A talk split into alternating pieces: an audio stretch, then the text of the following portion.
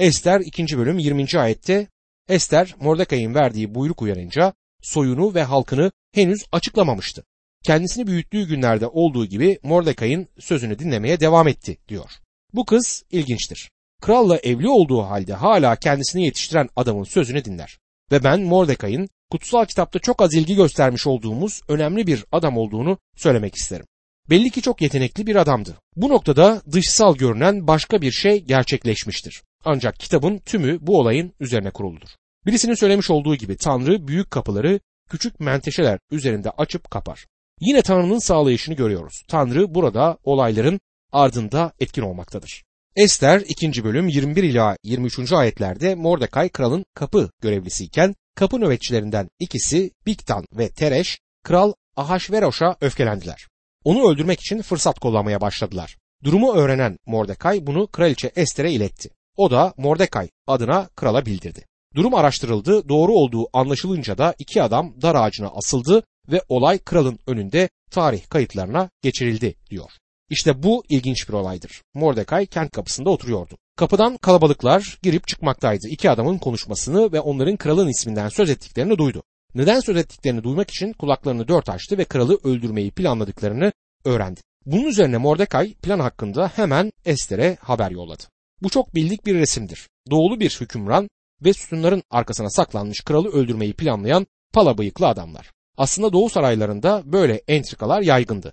Her zaman kralın işini elinden almaya çalışan birisi var gibiydi. Mordecai'nin yeni konumu planın kulağına gelmesini sağladı. Mordecai Ester'e kralın öldürülmesi planından söz ettikten sonra Ester durumu kocasına iletir. Herhalde krala Mordecai'yi yargıç olarak atamanı önerdiğimi hatırlayacaksın ve ne kadar iyi bir iş yaptığını görebilirsin. Seni öldürmek için yapılan bir planı öğrendim demişti. Sanki gizli polis durumu araştırmış ve doğru olduğunu kanıtlamış diyordu. Sonra bu kişiler tutuklandılar. Vergi veren insanların parasını harcayan uzun süreli mahkemeleri olmadı. Kral öldürülmelerini buyuruyor ve bu insanlar asılarak öldürülüyorlar. Bu krala karşı suikast planlayacak olan başka insanları bu tür düşüncelerden vazgeçirmek içindi. Tabii ki o zamanlarda hiç uygar değillerdi ama yasaya karşı çıkma ve suçlulara el bebek gül bebek davranmayı onaylamıyorlardı. Bu olayın tümü Pers krallığında kralın önemli olayları yazdırdığı kitaba da yazılıyor. Buradan bir şey çıkarıldığını görmek ilginçtir. Mordecai hizmetinden ötürü ödüllendirilmemiş ve onurlandırılmamıştı. Sanırım neden yaptığı hizmetin görmezlikten gelindiğini birçok kere düşünüp durumdan rahatsız olmuştu. Kralın hayatını kurtardığı için kendisine bir rozet ya da bir arma bile verilmemişti. Hiç olmazsa o kadarını hak ettiği kesindi. Bu olay neden görmezlikten gelinmiştir? Tanrı olayların üzerinde egemendir. Tanrı sağlayışı sayesinde olayların tümünü Tanrı yönetmektedir. Ester 3. bölümdeki temel konu Haman ve Yahudi karşıtlığıdır. Yahudilerin hayatlarının bu bölümü birçok defa başka şekillerde gözlerimizin önüne geldi. Bu bölümü okuduğunuzda Haman'ın yerine Firavun'un ismini, Hitler'in ismini ya da Nasır'ı koyabilirsiniz. Aslında buraya uyacak birçok isim var. İsrail'in Mısır diyarında bir ulus olduğundan bu yana her zaman onları yok etmek için bir hareket vardır. Ester 3. bölüm 1. ayette bu olaylardan sonra kral Ahasveroş Agaklı Hammedata'nın oğlu Haman'ı yüksek bir göreve atayıp onurlandırdı. Onu bütün önderlerden daha yetkili kıldı diyor. Burada bizlere Haman adlı bir adam tanıtılmaktadır. Kendisi Yahudi karşıtı hareketler oluşturan kişilerin isimlerinden oluşan listede yer alan bir isimdir. Kral tarafından günümüzün başbakan konumuna getirilmişti. Agak'ın soyundan gelen birisiydi. 1. Samuel 15. bölüm 8. ayeti açarsanız Agag'ın soyundan gelenlerin Amaleklilerin kraliyet ailesi olduğunu görürsünüz. Saul Tanrı'ya itaat edip Agak'ın soyundan gelenleri yok etmeliydi. Eğer Saul kendisine emredileni yapmış olsaydı halkı bu durumda olmazdı. Çünkü Agag'ın soyu tamamen yok olmuş olurdu. Tanrı tarihin ileri dönemlerinde neler olacağını görebiliyordu ve neler olacağını da çok iyi biliyordu. Saul'ün Agag'ın soyundan gelenleri yok etme işi neredeyse kendi halkının yok edilmesine neden olmuştu. Ama yine Tanrı olayların arkasındadır ve kendisine ait olanları gözlemektedir. Birçok kişi Hitler'in dünya diktatörü olacağını düşündü. Bu nedenle Amerika 2. Dünya Savaşı'na girdi. Hitler'i durdurduklarını düşündüler ama onu durduran Tanrı'ydı. Tanrı Haman'ı da durduracaktır. Şimdi Tanrı'nın Ester'i neden tahta geçirdiğini görmeye başlarız. Eğer orada olmasaydı bu Yahudi karşıtı Haman Yahudileri yok ederdi. Niyetinin bu olduğu kesindir. Ester 3. bölüm 2. ayette kralın buyruğu üzerine saray kapısında çalışan herkes Haman'ın önünde eğilip yere kapanırdı. Ama Mordekay ne eğildi ne de yere kapandı diyor. Kral yeni bir başbakanı olduğunu halka bildirir. Herkes onun önünde eğilecek ve konumuna saygı gösterecekti. Mordekay'ın kent kapısında yargıç olduğunu daha önce gördük. Mordekay'ın politik bir işi vardı. Bunun anlamı krallıktaki yetkililerden biri olduğu ve Haman'ın önünde eğilmesi gerektiğidir. Ama bize Haman'ın önünde yere eğilmediği söylenir. Dostlarım Mordekay hakkındaki düşüncelerimi değiştirmek üzereyim. Haman'ın önünde eğilmeyi reddettiği için onu kutlamak geliyor içimden. Bence Haman oradan geçtiğinde kralın hizmetinde olan bütün diğer başarısız insanlar dört ayaklı hayvanlar konumuna geldiler. O günlerde insanlar eğildiklerinde sadece bellerinden yukarısını yere eğmekle kalmazlardı. Şimdi ilk olarak Tanrı'nın elinin Mordekay'ın hayatında harekete geçmeye başladığını görüyorum. Siz ama Tanrı'nın isteğinin dışındadır. Tanrı böyle bir durumda nasıl etkin olabilir diye sorabilirsiniz. Kendi ülkesine dönmesi gerekirdi diyebilirsiniz. Doğrudur. Kendisine ait nedenlerden ötürü dönmemişti ama Yahudi olduğundan dolayı ait olduğu yer vaat edilen topraklardı. Tanrı'nın isteğinin dışında olduğu açıktır ama yine de Tanrı'yı onurlandırmaktadır. Ester kitabının hiçbir yerinde ona yakarmadığı halde Tanrı'yı kabul etmektedir. Bu sonuca nereden varıyorum? Tanrı'nın Yahudilere buyruğu çok açıktı. Tanrı'nın kendisinden başka hiçbir şeyin önünde eğilmeyeceklerdi. Bir put yapmayacaklar, bir putun önünde eğilmeyeceklerdi. Hiçbir şeyin ve hiç kimsenin önünde yere eğilmemeleri gerekiyordu. Bu yüzden Haman adlı bu adam yüksek rütbesiyle oraya geldiğinde politik bir görevi olan herkes onun önünde yere kapanmıştı. Bir kişi hariç o da Mordekay. Ayakta kalan tek kişi o olduğundan epey göze çarptığından emin olabilirsiniz. Mordekay ve Ester Yaruşilim'e dönecek kadar sadık değildiler ama halklarını kurtarmak için kendi hayatlarını tehlikeye atmaya razıydılar. Bu olay Mordekay hakkında daha önceki görüşümü değiştirmeme neden oluyor. Ester 3. bölüm 3 ve 4. ayetlerde kralın kapı görevlileri Mordekay'a kralın buyruğuna neden karşı geliyorsun diye sordular. Görevliler ona bu soruyu her gün sordularsa da Mordekay onlara kulak asmadı. Bunun üzerine durumu Haman'a bildirdiler. Çünkü Mordekay onlara kendisinin Yahudi olduğunu söylemişti ve böyle davranmaya devam edip etmeyeceğini görmek istiyorlardı diyor kutsal kitap. Kendisine neden eğilmediği soruluyor ve Mordekay ilk kez olarak Yahudi olduğunu bildiriyor. Şimdiye dek kimseye söylememişti bunu ve Ester güzellik yarışmasına girdiğinde kimseye hangi ırktan olduğunu söylememesi gerektiği talimatını verdiğini hatırlayacaksınız. Ester'in kocası bile yani kral bile bunu bilmiyordu ama şimdi Mordekay onlara söyler. Haman'ın önünde eğilmememin nedeni Yahudi oluşumdur der. Bunu söylediği anda inancını da açıklamaktadır. Sadece gerçek ve yaşayan Tanrı'ya tapınmaktadır. Hiçbir putun, hiçbir insanın önünde eğilmeyeceğini bildirir. Yasanın tekrarı 6. bölüm 4. ayette kendisine şöyle öğretilmiştir. Dinle ey İsrail! Tanrımız Rab tek Rab'dir. Dünyaya, antik zamandaki dünyaya, putperestlik dünyasına Tanrılığın birliğini bildirmesi gerekiyordu. Ateistlik dünyası olan günümüzde bizlerin baba, oğul ve kutsal ruh olmak üzere üçlü birliği bildirmemiz gerekir. Mordekay inançları için ayağa kalktı ve şimdi diğerleri bunun nedenini öğrendi. O zamanlarda Yahudiler tek ve gerçek olan Tanrı'ya tapınmalarıyla tanınırlardı. Ben aferin Mordekay'a demek isterim. Onun hakkında daha önceki sözlerimden ötürü özür diliyorum. Şimdi ilk kez olarak Tanrı için ayağa kalkmaya başlıyor ve bu ona çok bağlıya mal olacaktır. Yaptığının etkisinin bütün halkını etkileyecek kadar büyük olacağını hayal bile ettiğini sanmıyorum. Ama büyük bir olasılıkla en azından işine hatta belki de hayatına mal olacağının bilincindedir. Ester 3. bölüm 5 ve 6. ayetlerde Haman Mordekay'ın eğilip yere kapanmadığını görünce öfkeden kuturdu. Yalnız onu öldürmeyi düşünmekte kalmadı. Onun hangi halktan geldiğini bildiği için bütün halkını Ahasveroş'un egemenliğinde yaşayan bütün Yahudileri ortadan kaldırmaya karar verdi. Bu ayetlerde Haman küçük bir adam olduğunu ortaya koymaktadır. Oysa Mordekay'ı görmezlikten gelmeliydi. Mordekay bir tanrı adamı olarak göze batmaya başladığında Haman adlı bu adam da bir şeytan adamı olarak bütün çirkinliğiyle göze batmaya başlamaktadır. Fark edeceğimiz ilk şey küçüklüğü olacaktır. Öykü boyunca Haman'ın küçük bir adam oluşu dikkatimizi çekecek. Onu daha sonra karısının omzunda ağlarken bulursunuz. Dünyada istediğim her şeye sahibim krallıkta canımın çektiği her şeye sahip olabilirim ama o Yahudi benim önümde eğilmiyor türünden sözler söyleyecektir. Bu tür bir şeyin kendisini rahatsız etmesine izin veren bir adam küçük bir adamdır ve bu durumun kendisini epey rahatsız etmesine izin verdiğini görüyoruz. Haman korkunç bir şey yapmaya çalışacaktır. Ahasveroş'un krallığında yaşayan bütün Yahudileri yok etmeye karar verir. Tanrı'nın İbrahim'e Yahudileri kutsayan herkesi kutsayacağı, onları lanetleyen herkesi lanetleyeceği vaadi hakkında hiçbir şey bilmediğinden eminim. Ama Tanrı vaatlerini yerine getirir. Yahudilerin kendilerini yok etmeye çalışan her ulusun cenaze töreninde hazır bulunduklarını görmek için tarihin sayfalarına bakmamız yeterlidir. Hitler onları yok etmeye çalışmıştı. Onlardan kurtulacağını sandı. Buna karşın günümüzde Hitler ve grubu yok olmuştur ama Yahudiler hala dünyada yaşarlar. Evet Tanrı halkına bakmaya söz vermiştir. Tarih boyunca yok edilmemiş olmaları gerçeği bile tek başına mucizedir. Tanrı onları gerçekten de korumuştur ve Ester kitabında onun bunu yaptığını görmekteyiz.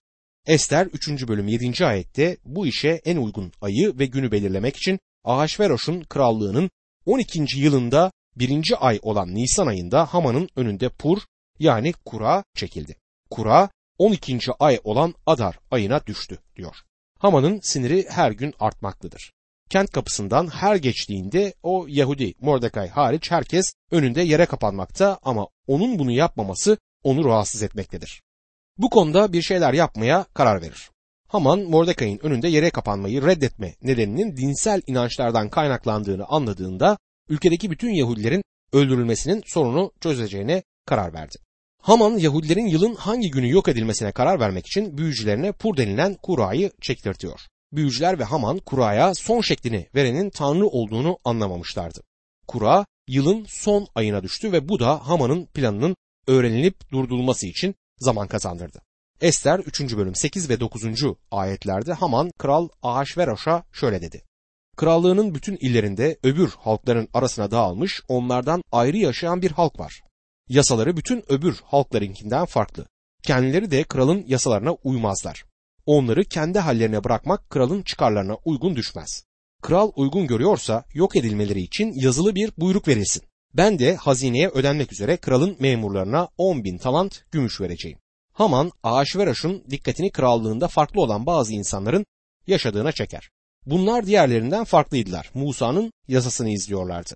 O yüzden de yok edilmesi gereken bir halktı. Kralı Yahudilerin kralın yasalarına karşı geldiğine ve onların yok edilmesinin onlardan ele geçirdikleri mal ve mülklerin kralın hazinesine epey zenginlik getireceğine ikna etti.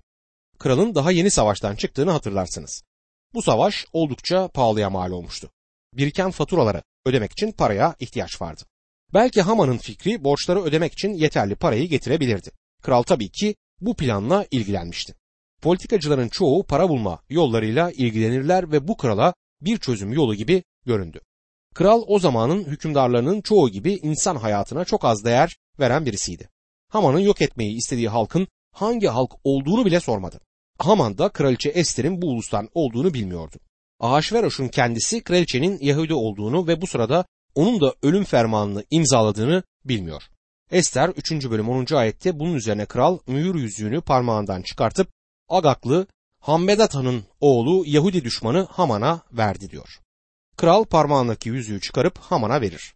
Bu onun mühür yüzüğüydü. Yüzüğün üzerindeki mühür yumuşak bal mumuna batırılır ve bu kralın imzasını oluştururdu. Üzerinde bu mührün bulunduğu bir buyruk krallığın yasası haline gelirdi.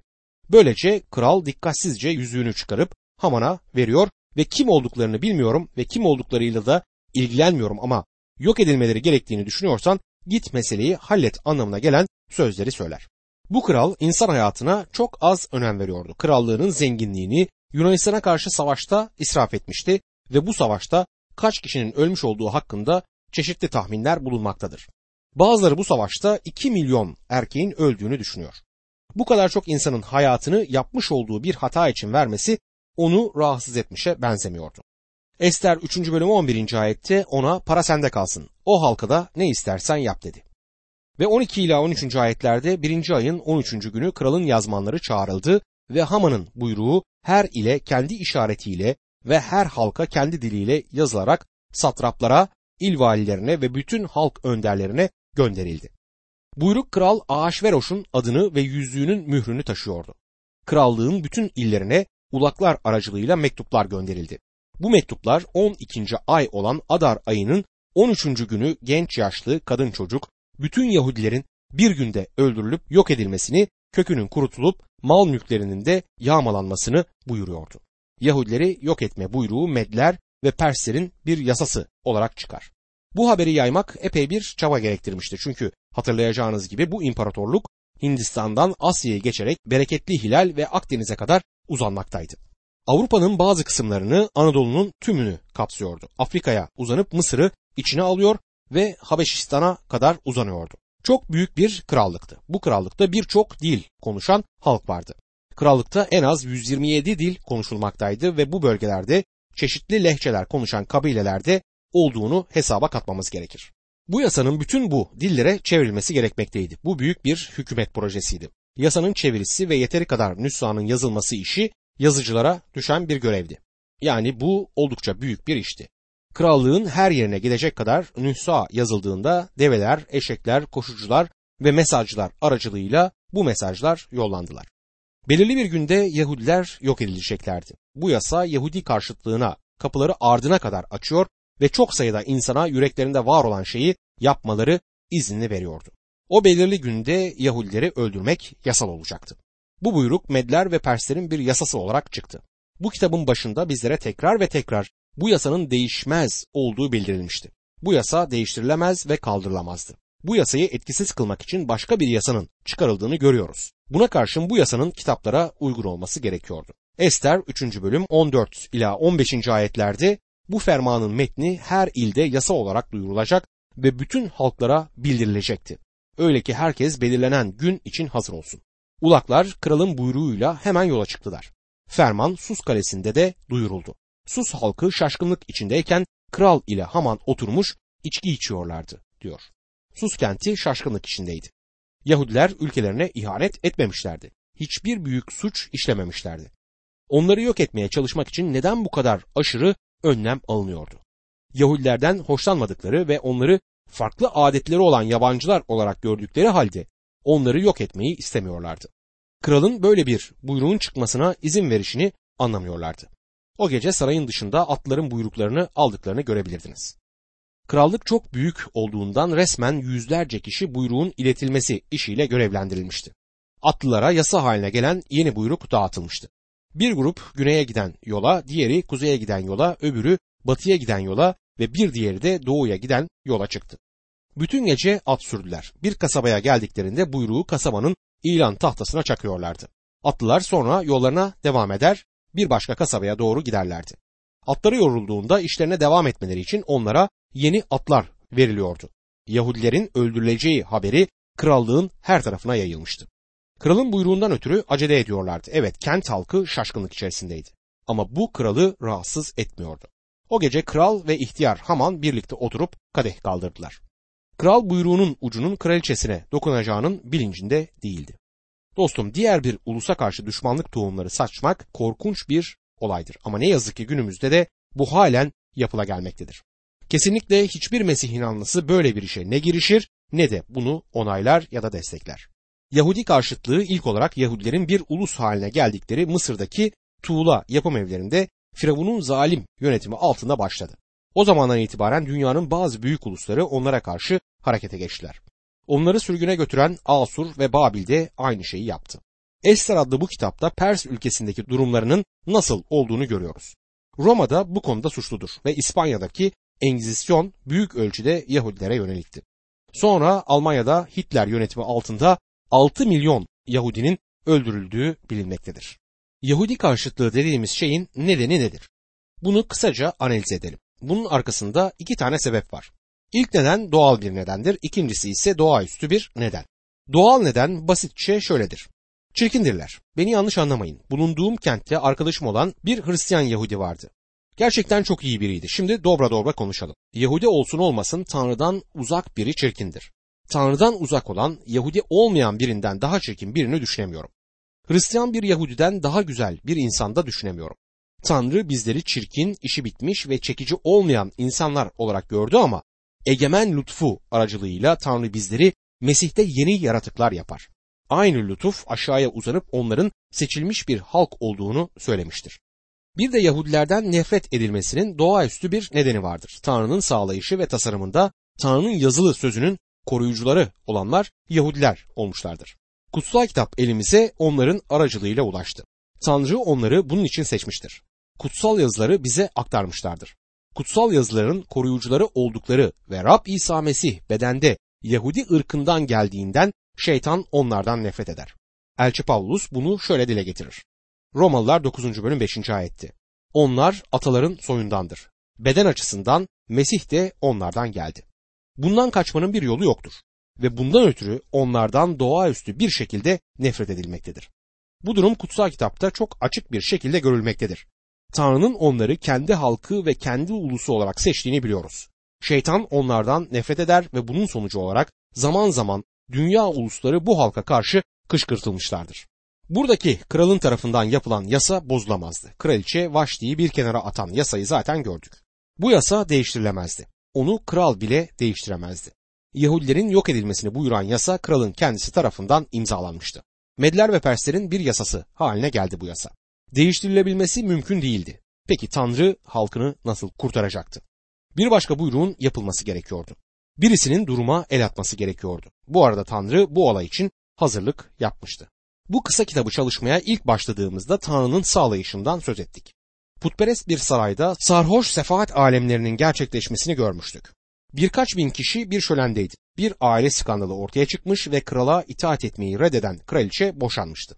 Bunun Tanrı'nın halkını kurtarmasıyla ne ilgisi var diye sorabilirsiniz. Her türlü ilişkisi vardır. Tanrı hareket halindedir ve güçlü bir şekilde hareket etmeyi sürdürecektir. Birisini tahtın tam yanına yerleştirmiştir. Bu kadın Yahudileri kurtarmaktaki araç olacaktır.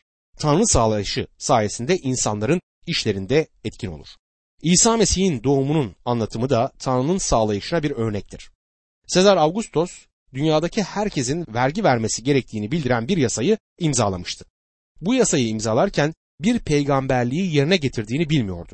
Vergi yasasının Nasıralı bir bakirenin ilk çocuğunu doğuracağı Beytlehem'e gitmesine neden olacağını bilmiyordu. Bence Sezar Augustus bunu duysaydı gülüp bebekler hakkında hiçbir şey bilmiyorum ama vergiler hakkında çok şey biliyorum derdi. Mika 5. bölüm 2. ayette Mesih'in Beytlehem'de doğacağı önceden bildirilmiştir. Sezar, Meryem'in Rab İsa Mesih'i doğuracağı zaman Beytlehem'de olmasına neden olan bir yasayı imzalamıştı.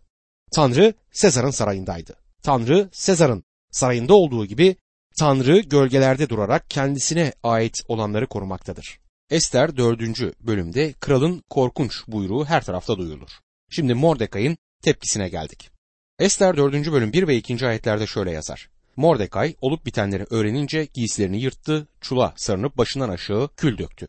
Yüksek sesle ve acıyla feryat ederek kent merkezine geldi. Varıp sarayın kapısında durdu. Çünkü çula sarılmış hiç kimse bu kapıdan içeri giremezdi diyor. Mordekay Yahudilerin yok edilmesi buyruğunu duyduğunda üzerine çuvaldan giysi giyip küller döktü başından aşağıya. İlginç bir performansla karşı karşıyayız. Buyruğa inandı. Buyruğun değiştirilemeyeceğini biliyordu. O sırada krallıkta yaklaşık 15 milyon Yahudi olduğunu tahmin ediyorum. Çok gereksiz ve yersiz korkunç bir katliam gerçekleşecekti. Önemsiz bir yetkili Haman'ın önünde eğilmediği için bütün bir ırk yok edilecekti. Bu tabii ki şeytansal bir durumdur.